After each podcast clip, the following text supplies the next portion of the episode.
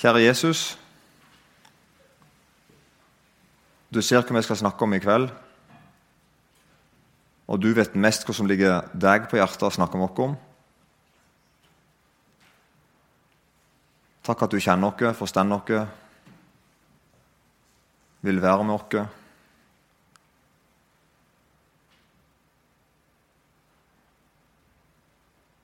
Jeg ber om at ditt rike må gå fram i kveld.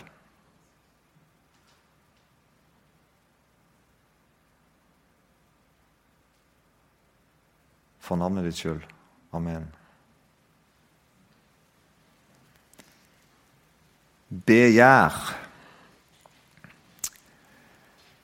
Niende og tiende bud, de to siste budene, de står i andre Mosebok, kapittel 20, vers 17. Du skal ikke begjære din nestes hus. Og det tiende heter Du skal ikke begjære din nestes ektefelle, arbeidsfolk, husdyr eller noe annet som tilhører ham. Det er det, jeg forbinder med ordet begjære. Jeg vet ikke hva du forbinder med ordet begjære. Det med som Når jeg tenker på ordet begjære, så forbinder jeg det med det er faktisk bud i Bibelen som sier at du skal ikke begjære og konkrete ting. Og så tenker jeg vi kan godt se på, Dette er Den eh, norske akademis ordbok, som jeg liker godt. Eh, og Hvis du da søker der, hva betyr ordet begjære sånn i dagligtale, så var det særlig tre det var tre punkter der ordet begjæret ble brukt i dagligtale. Og Den nederste eh, bruken er vanligst i Norge i dag. Jeg tenkte kanskje det var den i midten. Den øverste heter begjæret. Det kan bety å ønske sterkt eller lenges etter å ha. Det, det kjenner jeg igjen. Altså for Eksempelet her er 'alt hva ditt hjerte begjærer'. Du liksom kjenner på 'hjertet mitt vil noe', så lengter du etter det og ønsker det. ikke sant? Den kanskje vanlige, En av de vanligste måtene å bruke ordet begjære på, det har med seksuelt begjær å gjøre. At du føler et, en sterk seksuell lengsel etter eller tiltrekning mot noe. Begjær.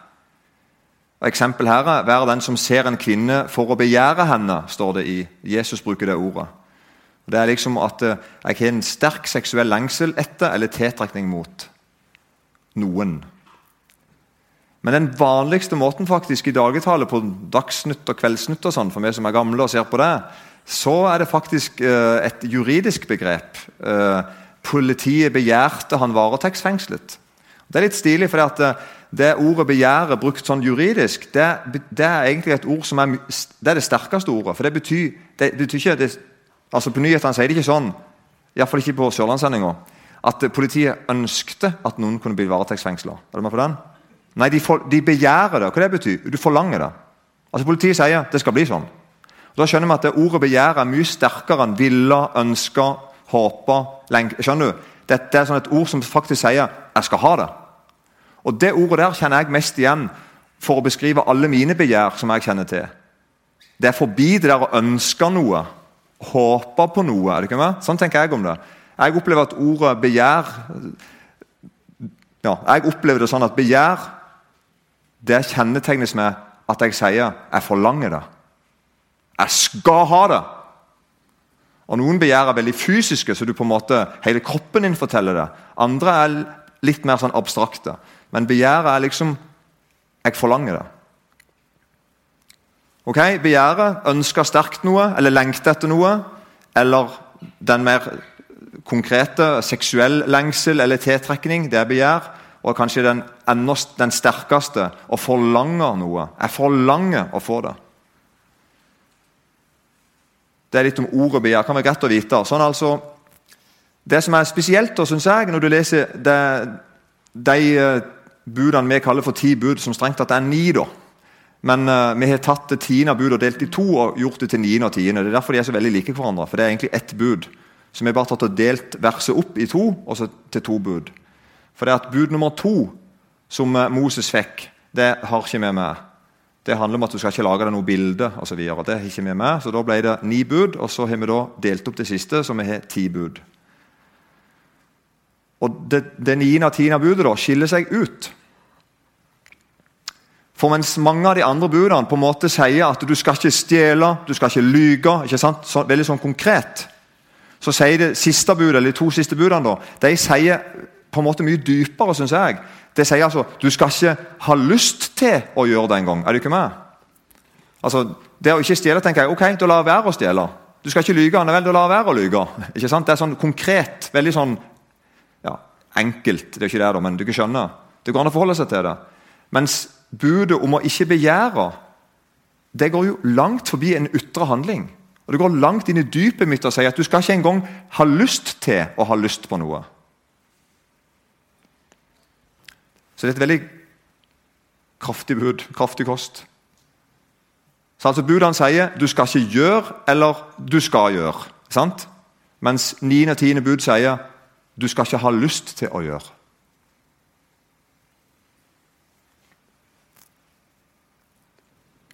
Jesus viser dette er fra Matteus 5, og vers 27-28. Så viser Jesus oss at alle budene er så dype. De er bare ikke formulert kanskje så dype i budene, men Jesus utdyper og sier annet, Dette er bare et, eksempel. Han sier flere sånne ting. Jesus, men dette er et eksempel der han sier dere har hørt det er sagt. Det sier han til disiplene sine. Du ikke har hørt det er sagt, og det har de, for det står i Mosebøkene. sant? Du skal ikke bryte ekteskapet. Det er det sjette bud. Men jeg sier dere, hver den som ser på en kvinne for å begjære henne, har allerede brutt ekteskapet med henne i sitt hjerte. Er det ikke med? Så Her sier Jesus det samme. at ikke har hørt det sagt du skal ikke bryte ekteskapet. Du skal ikke drive hor, står det i noen oversettelser. Og Da tenker noen at nei, da skal jeg la være å ligge med ei dame. Og så sier Jesus nei, nei, nei. Det betyr faktisk at hvis du ser på ei dame for å ha lyst til å ligge med henne, da har du allerede brutt dette budet. Er det ikke med? Så Jesus forteller oss at alle budene vi møter hos Gud, går dypere enn på en måte hvis jeg bare ikke sier det, gjør det. handlingene på en måte. Nei, Jesus går forbi det og sier at nei, jeg vil inn i hjertet ditt. Ønskene dine, motivene dine. på en måte det er bakenfor. Og Sånn er det så til de grader med begjær. Begjær er egentlig et motiv. Det er på en måte motivet mitt. Så altså bare for å ta da 9. og 10. bud en gang til, litt mer skikkelig. 9. bud du skal ikke begjære din nestes hus. Og da har Vår kjære doktor Martin Luther i 1529 han har da lagd en forklaring. Han var faktisk på en rundtur og ble helt overrasket over hvor, over hvor umoralsk folk levde, og hvor lite de visste. Så Da skrev han den lille katekismen. Det er kjempeenkel bok. Det var noen få plakater folk kunne henge opp på kjøleskapet. Det hadde de sikkert ikke, da, men noe annet vet ikke hvor de hadde før varmeskap. Lunkeskap hadde de sikkert før. Um, for å holde ting lunkent. Uh, men du kan skjønne hva jeg mener. Og, og, sånn at vi som alle hus i Tyskland skulle være, ha disse opplysningene. Så han sa da, hva, vil det si? Du skal ikke begjære det nestes hus. Så spør da Luther pedagogisk da, hva vil det si? Og så kommer han ned med formuleringer som er i høyeste grad bibelske. Vi skal frykte og elske Gud, så vi ikke ønsker å få tak i andres arv eller eiendom på en uærlig måte og lurer det til oss, men hjelper dem å ha sitt i fred. Det er jo det på en måte, det er det det betyr å ikke ville begjære din nestes hus. Det er ikke bare det at du ikke skal ha lyst til altså jeg, skal, jeg skal ikke engang ønske meg som tafse borti det, ta noe av det, prøve å finne en måte å slafse til meg noe av ditt. Men jeg skal ikke bare det, jeg skal i tillegg være med på å hjelpe deg til å ha det i fred. Er det med? Det er noe jeg ikke skal gjøre, og noe jeg skal gjøre. Det er klart det blir gode naboer og sånt. Det sier seg sjøl. Tiendebud det samme. Du skal ikke begjære din nestes ektefelle, arbeidsfolk, husdyr eller noe annet som tilhører ham. Da spør, spør Luther hva vil det si? Vi skal frykte og elske Gud, så vi ikke lokker eller truer ektefolk, arbeidsfolk eller husdyr bort fra vår neste men får dem til å bli hos ham og gjøre sin plikt. Er du ikke med? Veldig konkret. Dette blir det en, et godt samfunn av, sier seg sjøl.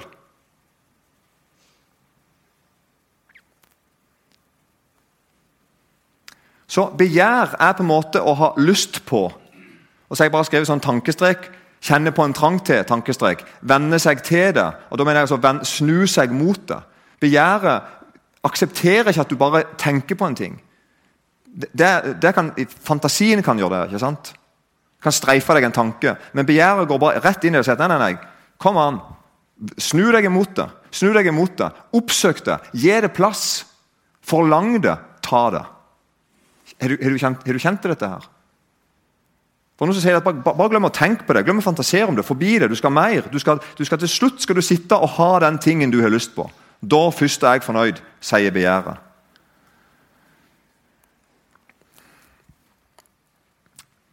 Mens en kristen da, han skal være annerledes. Salig er den mann som ikke vandrer i ugudelige folks råd, og ikke står på synderes vei, og ikke sitter i spotters sete. Sånn står det i Salme 1, vers 1. En kristen mann er den som ikke går blant ugudelige, ikke står på synderes vei og ikke sitter i spotters sete. En kontrast til, det, til de andre da, som, som, gjør det. Nå skal jeg bare først ta, og Dette er det mest alvorlige jeg vil si i kveld. Jeg vet ikke om du ikke opplever det like alvorlig som meg. Um, dumt for dere. Nei da. Um, for Det høres på en måte ikke så alvorlig ut, det jeg skal si nå, men jeg, jeg mener at nettopp det gjør det alvorlig. Det er en Begjæret har en endestasjon, hvis du ikke skjønner. Det er billedlig talt, selvfølgelig. Altså Begjæret det, det driver og lokker oss og lurer oss og, og, og, og får oss til å tro at ting er bra og forlystelig og, og flott og fint. og alt mulig sånn. Men begjæret er til slutt en endestasjon. Det ender en plass. begjæret. Hvis du bare følger dine lyster, hvis du følger din egen vilje i stedet for Guds vilje, hvis du på en måte bare hopper på det der toget, begjærtoget, skulle jeg si, hvor er endestasjonen? Og det er, helt, det er, helt, forferdelig for meg å lese i Lukas 16, og vers 19-31. Der er det en fortelling som egentlig handler om noe annet enn begjær. altså. Men i den fortellingen så ser jeg noe veldig uhyggelig.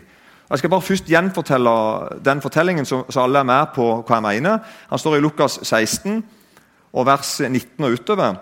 Da forteller Jesus om en rik mann som uh, kledde seg i purpur og fineste lin, og som levde hver dag i herlighet og glede. Ser for dere.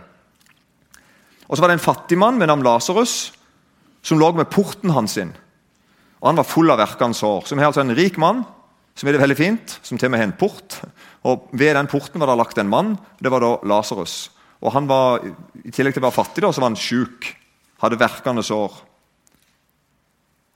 Og denne her fattige, da, Lasarus, hans ønske var å mette seg med smulene som falt ned fra det rike spor. Men endog hundene kom og slikka såret hans. Og Så skjer det da at Lasarus dør. og Det står her at englene, englene bar ham bort til Abrahams fang. Har vi liksom sett inn hvordan det ser ut når en kristen dør. Det er, noe, det er noe bra noe med det. Englene kommer og, henter, og henter deg og bærer deg med som hjem da, til Abrahams fang. Det, for nå kommer han til paradis, denne plassen som er før du kommer til himmelen på en måte et slags fantastisk venteværelse. Der alt er bare øh, bra. Og du tenker at 'jeg kan ikke ha det bedre nå', og så jo, det skal bli enda bedre, visstnok, sier de. Der, der kom Lasarus.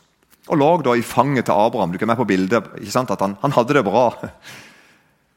Og Så skjedde det da at um, den rike òg døde. Og han ble begravd, står det. Han fikk en begravelse.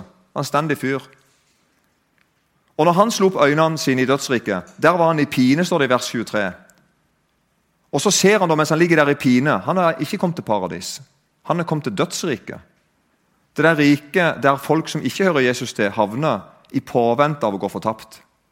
Og der ligger, der, ligger, der ligger, den rike og tenker kan det bli verre enn dette. Så får han beskjed om at ja, det skal bli verre enn dette òg. Det er kontrasten. Og Så ser da den rike mannen han ser bort på Abraham og Lasarus. Han ser jo at, at Lasarus ligger der. Sånn er det ikke i, i, til slutt. Så Dette er på en måte i det forstadiet. ikke sant? At de kan se til hverandre. Og Så roper da den rike og sier, 'Far Abraham, forbarm deg over meg, og send Lasarus, så han kan duppe fingertuppen sin i vann og svale min tunge, for jeg lider svær pine i denne ilden.' Og det er, nå har jeg sagt, det verste som jeg kan tenke meg. Den rike mannen har ett ønske på den andre sida av evigheten en dråpe vann. Det er begjærets endestasjon. Jeg har godt og ønske meg ting og ting og ting som på en måte kan hjelpe meg her og nå. Så kan jeg gi en kort tilfredsstillelse som hjelper meg akkurat det jeg vil ha nå. Jeg lever i nuet. på en måte, ikke sant? Jeg vil ha ditt, jeg vil ha datt, jeg vil ha ditt, jeg vil ha datt. Og nå ligger mannen her og er fortapt. Og der han ligger og er fortapt, så roper han altså over og sier, 'Forbarm deg over meg, og send Lasarus, så han kan duppe fingertuppen sin i vann og svale min tunge, for jeg lider svær pine i denne ilden.' Altså, Til og med etter at han forstår det ute med han at han er tapt. Og til og han forstår at det er far Abraham som er der. Han kunne jo bedt vel Abraham kan du sende Lasarus bort, så han kan bære meg bort til dere. Er det ikke med? Men det er akkurat som at en blir så full av begjær. En blir så full av denne sidige ting. Er du ikke med på det? Altså Ting som hører denne verden til. At han, han, forstår ikke lenger sitt eget beste, og han kjenner ikke veien ut av fortapelsen. Er du ikke med på dette? Her er veldig mange nordmenn. Kanskje til og med noen her inne som hører på. Jeg er så vant med på en måte å bare få de tingene som jeg ser jeg trenger nå, at jeg forstår meg ikke på Gud. Jeg forstår meg ikke på Guds rike. Jeg forstår ikke engang hva jeg skal be om. Ikke engang etter det går gale for meg, forstår jeg det. Da er du fortapt. Dette er på en måte enden på alt som er gale. Og Så sier da Abraham til den rike.: Husk at du fikk dine goder i din levetid like som Lasarus fikk det vonde. Men nå trøstes han her, mens du pines. Abraham minner, minner den rike på at du fikk det du hadde lyst på. Du fikk det du hadde lyst på. Og du lykkes til med det. Du fikk mye av det du hadde lyst på.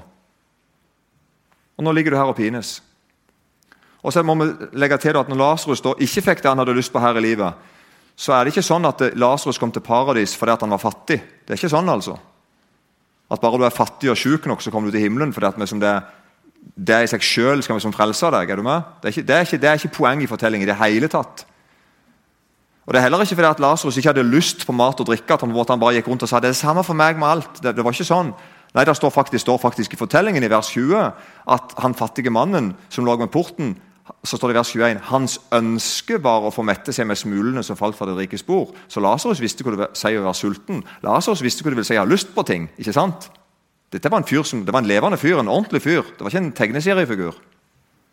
Allikevel så er det tydelig at Lasarus hadde hørt på Moses og profetene. For Det er det den rike mannen forstår når han ser Abraham sier at det er et svelg mellom oss og deg. Det går ikke an å komme over her. Da først går det opp for den rike mannen at det er ute med han. Og Da først får han nød for sine brødre og sier kanskje du du må sende Lasarus ned, så han kan vitne for dem. For, for, for, jeg ligger i et pinlig sted, og, og, og her, jeg ønsker ikke brødrene mine skal komme her. Og Da sier Abraham til han, de har Moses og profetene. La dem høre dem. Og Det betyr altså at de har Bibelen. Hvis ikke de vil tro på Bibelen, hvis ikke de vil tro på det, det profetiske ord om Gud og hans rike, så hjelper det ikke engang om en død står opp av gravet og forkynner Kristus for dem. Som andre ord så hadde Lasarus han, han hadde hørt på Moses og profetene og hadde tatt imot Guds rike. Så et liv i brudd med Guds bud. Altså et liv i brudd med Guds bud. Jeg snakker ikke om et brudd med Guds bud. Jeg snakker om et liv der du må si om deg sjøl at mitt liv handler om egentlig å leve i et brudd med Guds bud. Jeg gjør egentlig som jeg vil. Utenom søndag klokka 11, da går jeg på bedehus eller et eller annet. Men sånn generelt ellers så gjør jeg som jeg vil. Stort sett så gjør jeg som jeg vil. Du lever i et brudd med Guds bud. Du er på vei mot fortapelsen. Det er det som er veien til fortapelsen. Det er et liv etter din egen vilje.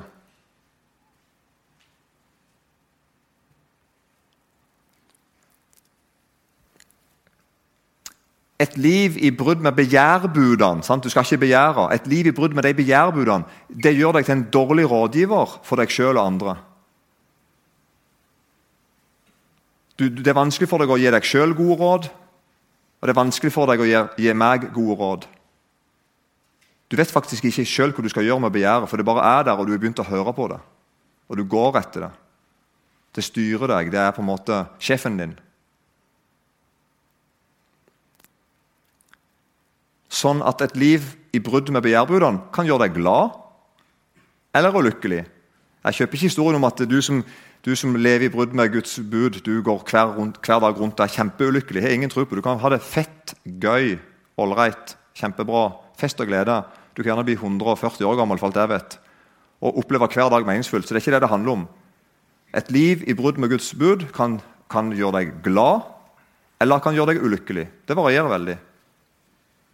Det fins ulykkelige folk og lykkelige folk. Sånn at det er på en måte ikke det som Vi kan ikke måle det på den måten. Men det jeg kan si deg, at et liv i brudd med begjærbudene vil aldri gjøre deg lykkelig i evigheten. Det kan jeg si sikkert. For du er på vei vekk ifra Gud og inn i en fortapelse.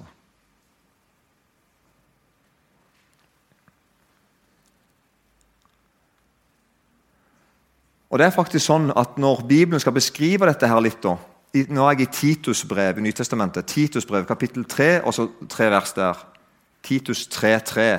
Så, sier, så står det sånn For også vi var en gang uforstandige, ulydige, villfarende. Vi var treller under mange slags lyster og begjær. Er du ikke med på begrepet? Han sier at vi var slaver under det. Det var en del lyster og begjær som herja med oss. Så vi var akkurat som slaver. Vet du En slave er? Er bare, en slave er ikke bare en, en, slave er ikke en fyr som, som, har andre folk som bestemmer over seg. Men det er til og med sånn at er, han, den som bestemmer over deg, eier deg like godt. Så du er på en sånn helt patt, satt i, satt i knipa. Så her sier altså Bibelen at eh, før disse her møtte Jesus, da, så var de ulydige og villfarne. De var trella under mange slags lyster og begjær. Vi levde i ondskap og misunnelse. Vi var forhatt og hatet hverandre. Og så kommer det vers 4. Men da Guds, vår frelsers godhet og kjærlighet til menneskene ble åpenbart, frelste han oss. Så Bibelen forteller altså at det, det, å, det på en måte å gi begjæret plass, det gjør deg til en slave. Som du, må, du er eid av, du blir styrt av. Og Dypest sett så er alt begjær sterkere enn oss.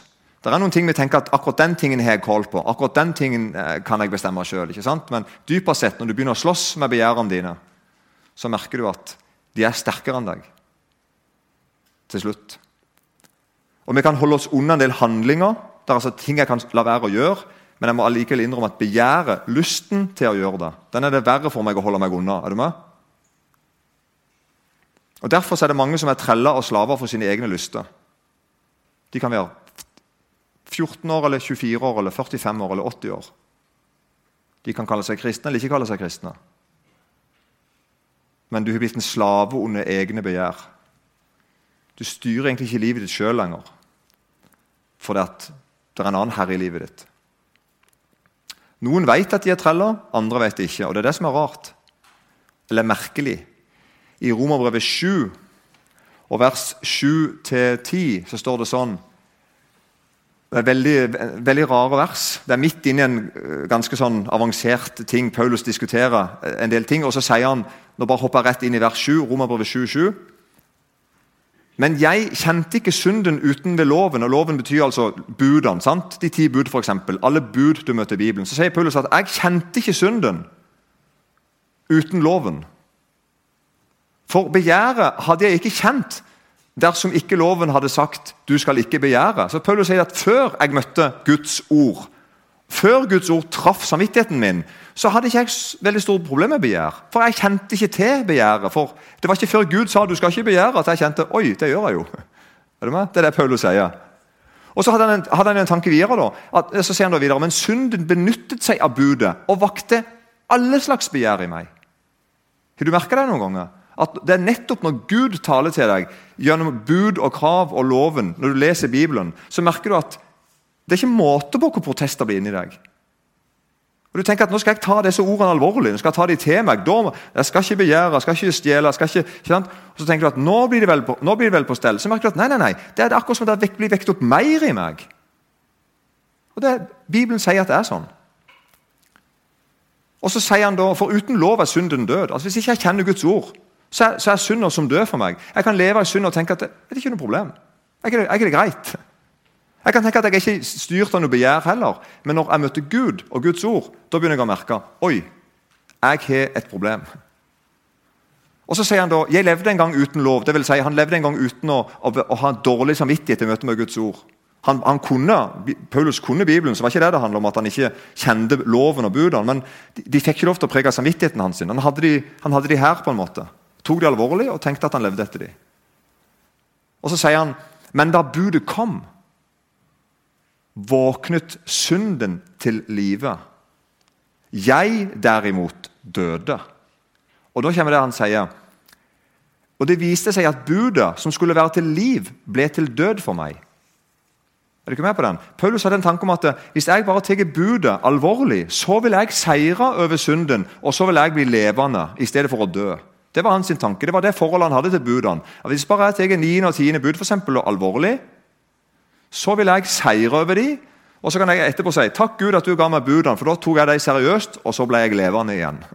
Jeg var i ferd med å dø under synden, men så kom budene, og så takk Gud for budene. Jeg tok de alvorlig, jeg ba om kraft, og så på en måte så vant jeg over dem. Men Paulus sier at nei, det var jo motsatt. Når budene kom, våkna syndet opp, og jeg, trodde, og jeg derimot døde, sier han. Da skjedde noe helt annerledes med han. Du som opplever dette her, du er heldig. Og helt, du som opplever på en måte at det, når, jeg møtte, når jeg møtte Guds ord om syndene mine, så, så, så, tenkte jeg før at jeg skulle på en måte ta de alvorlig, og så skulle jeg få en kraft og en styrke og seire ut av det. Men så merker jeg nå det siste, når jeg møter Guds ord i møte med synda mi, så er det akkurat som at jeg dør. Det virker som at du og Paulus har opplevd det samme. Og Paulus er veldig glad for det. Han takker Gud for dette. Dette, dette er lykken ut av det. Og Det viste seg at budet, som skulle være til liv, ble til død for meg. For synden benyttet seg av budet og dåret meg og drepte meg ved det. Og Så fortsetter han videre. da. Men poenget mitt her er altså det at Gud ønsker å snakke til samvittigheten din. Gud ønsker å treffe deg og snakke med deg om begjæret ditt. Og Han vil mer enn bare på en måte si til deg nå må du ta niende bud mer alvorlig, nå må du ta sjette bud mer alvorlig, nå må du ta fjerde bud mer alvorlig. Gud vil mer enn det. Han vil, han vil frelse deg ut av noe som du sitter fast i. Det er veldig viktig. Så hvis du vil forstå hva begjær er for noe, sånn på ordentlig, så skal du møte Gud. Hvis du vil lære, om, hvis du vil lære hva synd er for noe, sånn hvor virkelig synd er, det gjør du ikke der ute i synden. på en måte, sant? Det gjør du i møte med Gud, for det er han som vet hvor synd er. Der ute i synden så vil synden lure meg, og kan, synden kan få meg til å tro alt slags mulige ting om synden. Men det er i møte med Gud og Guds ord at jeg ser hvor synd er for noe, og hvor begjær er for noe.